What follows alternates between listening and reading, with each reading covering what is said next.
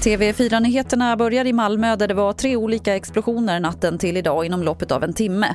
Exakt vad som har hänt är oklart men polisen tror att explosionerna har med varandra att göra. En person ska ha förts till sjukhus. Alex Salai som bor i ett av husen där det small i natt berättar.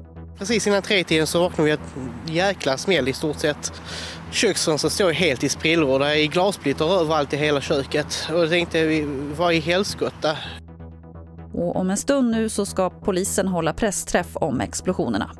Idag ställs utbildningsminister Anna Ekström till svars inför utbildningsutskottet. Det handlar om regeringens hantering av PISA-undersökningen som ju fått svidande kritik från flera håll för att ha exkluderat för många elever. Det är den viktigaste internationella kunskapsmätningen som Sverige deltar i.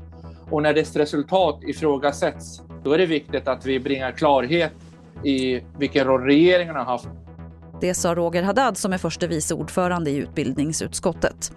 Till sist kan vi berätta att idag inleder även Region Gävleborg fas 4 av vaccineringen mot covid-19 och öppnar bokningen för personer mellan 55 och 59 år. Att man kör med femårsintervaller är för att få balans i bokningen men snart räknar man med att kunna öppna upp även för yngre grupper. Det var det senaste från TV4 Nyheterna. Jag heter Lotta Wall.